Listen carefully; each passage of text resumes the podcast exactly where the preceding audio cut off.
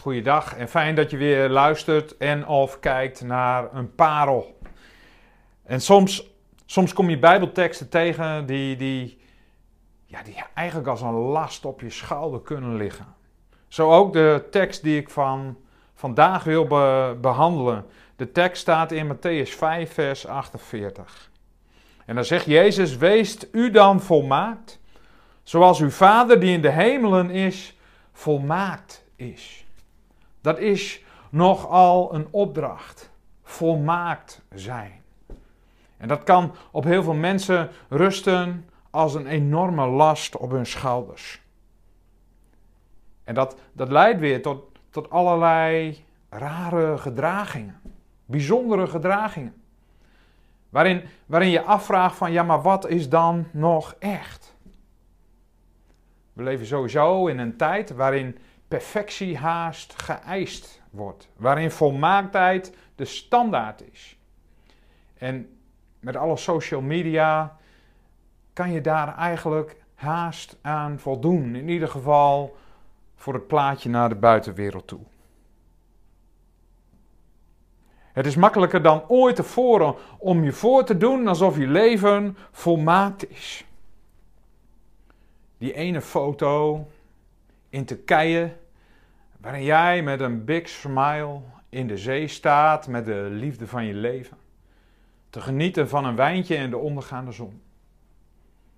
Je glimlacht naar de camera. Op Instagram levert dat heel veel likes op. Maar er zijn zoveel dingen wat je daar niet bij vertelt. Zo vertel je er natuurlijk niet bij dat je net een enorme ruzie hebt gehad met die liefde van je leven. En, en dat je net in een zeeegel bent gaan staan, waardoor die enorme glimlach, ja dat is eigenlijk geen glimlach, maar een enorm van pijn vertrokken gezicht. Een grimas. Maar je bent handig met Photoshop. En dus heb je van die grimas een mooie glimlach gemaakt. En toen je toch bezig was met Photoshop, heb je ook gelijk maar even een kilo of vijf rond je buik en je benen en je billen weggehaald. Dat vertel je er natuurlijk allemaal niet bij, want het plaatje moet wel perfect en mooi blijven. En wat je er al helemaal niet bij vertelt, is dat je eigenlijk helemaal niet in Turkije was. Nee, je hebt die foto gemaakt van jezelf voor de groene muur in je woonkamer. En die foto van die ondergaande zon, die heb je erin gefotoshopt, alsof je daar aanwezig was. Ja, wat je ook niet vertelt is dat je de liefde van je leven er ook in hebt gefotoshopt, omdat die weer eens moest overwerken. Je weet niet of het wel overwerk is of niet. Ja, je stond natuurlijk ook niet in een zeeegel, je stond in een Lego-blokje van je vierjarig kind. Je stond in dat Lego-blokje omdat, omdat je kind weer thuis zit vanwege de derde quarantaine-tijd, omdat er weer kinderen positief waren in groep 1. Die waren positief getest. Je baas zit je in je nek te hijgen omdat je je rapporten af moet hebben. Maar dat lukt niet omdat je je kind al voor de zeventiende keer moet inloggen op school. Op het schoolportaal. En daar zit je dan in je veel te kleine flatje, zes hoog, vijf achter, te wachten op de uitkomst van de makelaar op een huisje waar je veel te veel op hebt geboden. Want ja, want ja, die prijzen van tegenwoordig.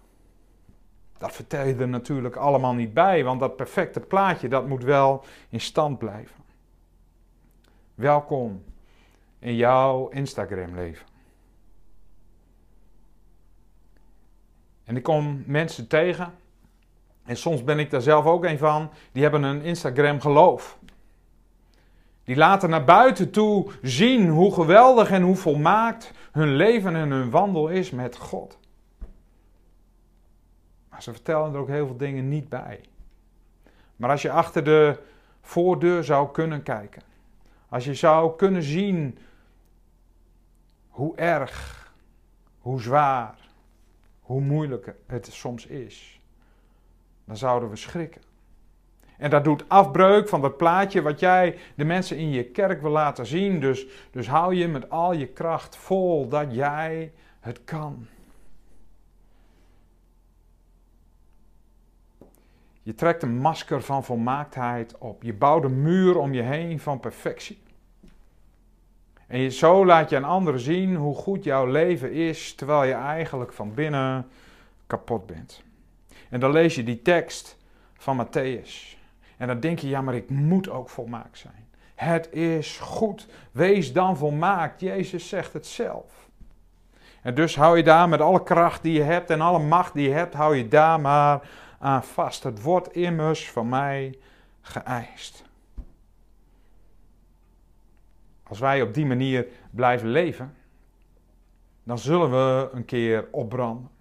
Dan zullen we helemaal op en uitgeput raken. Omdat we telkens moeten bewijzen. Telkens moeten laten zien hoe goed ons leven is. En het is onmogelijk om je hele leven die schijn op te houden. En zelfs als je dat wel zou kunnen, wie hou je dan nou echt voor de gek? Hou je, hou je God voor de gek? God die alles van jou ziet, die alles van jou weet. De Bijbel zegt, nog voordat jij geboren was, kent Hij. Hou je die God voor de gek? God kijkt dwars door jouw angstvallig opgetrokken muur heen. God, God kijkt dwars door jouw Instagram geloof. En die ziet hoe jij echt bent. Of hou je misschien je broer en je zus in de kerk voor de gek? Weet je, die hebben allemaal hun eigen leven, hun eigen sores, hun eigen moeilijkheden. Hooguit. Hooguit leg jij je broer of zus een enorme last op. Een enorme last op, waardoor er een nieuw Insta-kerk geloof ontstaat bij je broer of zus. Want ook die moet weer voldoen aan die standaard die jij een ander oplegt. Een enorme druk om dat perfecte leven te hebben. Dat resulteert in een andere gemanipuleerde foto in de Insta-kerk. Met nog meer afgebrande christenen tot gevolg. En de enige, de enige die hier echt last van heeft, dat ben je zelf. Door je leven beter voor te doen dan het is, bereik je eigenlijk precies het tegenovergestelde dan dat wat je eigenlijk zou willen. Je wil dat volmaakte geloof, maar doordat je je volmaakt opstelt en het het niet is, raak je verder en verder bij dat volmaakte geloof vandaan. En dat is nou net wat je niet wil, maar wel bereikt. Dan handel je op de verkeerde manier. Het schiet niet op. Die eis van perfectie ligt als een loden last op iedereen's schouders. En dat begint met de uitleg van dit vers. Wees dan volmaakt. Wees dan volmaakt, zoals uw Vader die in de hemelen volmaakt is. Wat betekent dat eigenlijk? Volmaakt zijn. Nou, in dit gedeelte slaat het niet over op zonderloos leven. Het slaat niet op een foutloos leven, lijden. Een leven waar iedereen jaloers op is. Daar, daar slaat dit vers niet op. Als je kijkt naar de grondtekst en je, en je zou het vertalen, dan, dan zou je kunnen zeggen van dat je je volledig hebt ontwikkeld in de levensstijl van een christen. Dat je volledig volledig, volledig volleerd bent in het christen zijn. Dat je een discipel bent. En daar ben jij volmaakt in. Jij kan volmaakt het leven leiden zoals God dat van jou vraagt op deze aarde die gebroken is, waar pijn is, waar verdriet is. En dat is waar wij naar uit mogen strekken. Dat is wat we mogen en moeten leren. Want waar draait het om in dat christendom, in dat discipelschap? Het draait maar om één ding: de erkenning dat ik het helemaal niet kan. De erkenning dat het niet om mij draait. De erkenning dat mijn handelen tekort schiet. Dat ik Gods genade nodig heb. En hoe meer ik dat toepas, hoe volmaakter mijn leven wordt. Dus kortom, je hebt helemaal niks aan jouw Insta-kerkgeloof. Paulus, Paulus zegt het als volgt in 2 Korinthe 12. Daarom, vers 10. Daarom ben ik blij als mensen mij beledigen of me gevangen willen nemen. Ik ben blij als ik in moeilijkheden kom en het zwaar heb. Want zo wil Christus zijn macht laten zien. Juist doordat ik zwak ben, ben ik sterk. Juist als ik laat zien dat mijn leven niet volmaakt is, niet zonder fouten is, dan, dan zal ik zien dat mijn leven volmaakt is. Het is een bijzondere tegenstrijdigheid in ons hoofd. Maar een tegenstrijdigheid die wij moeten omarmen, waar we vanuit mogen gaan leven. Dus laten we alsjeblieft stoppen. Vanaf vandaag met perfectie te eisen van elkaar. Want denk eens bij jezelf na. Wanneer greep God nou echt in in jouw leven? Als ik dat op mezelf van toepassing heb, dan was het niet op momenten dat ik me vol kracht inzette voor iets. Toen ik, niet wanneer ik me beter voordeed dan dat ik was. Het was op die momenten dat ik open en eerlijk naar God was en zei van ja maar God, ik kan het niet meer. Zo ben ik tot geloof gekomen. Ik weet, ik lag op bed en ik zong een lied. Ja, maar mijn God, mijn, mijn kracht schiet tekort. Ik heb u nodig. Toen veranderde God mij. Toen greep God in. Laten we dan bouwen aan een kerk vol zwakke mensen. En laat ik dan maar het spits afbijten nu ik toch bezig ben. Ik ben Frey Rietma.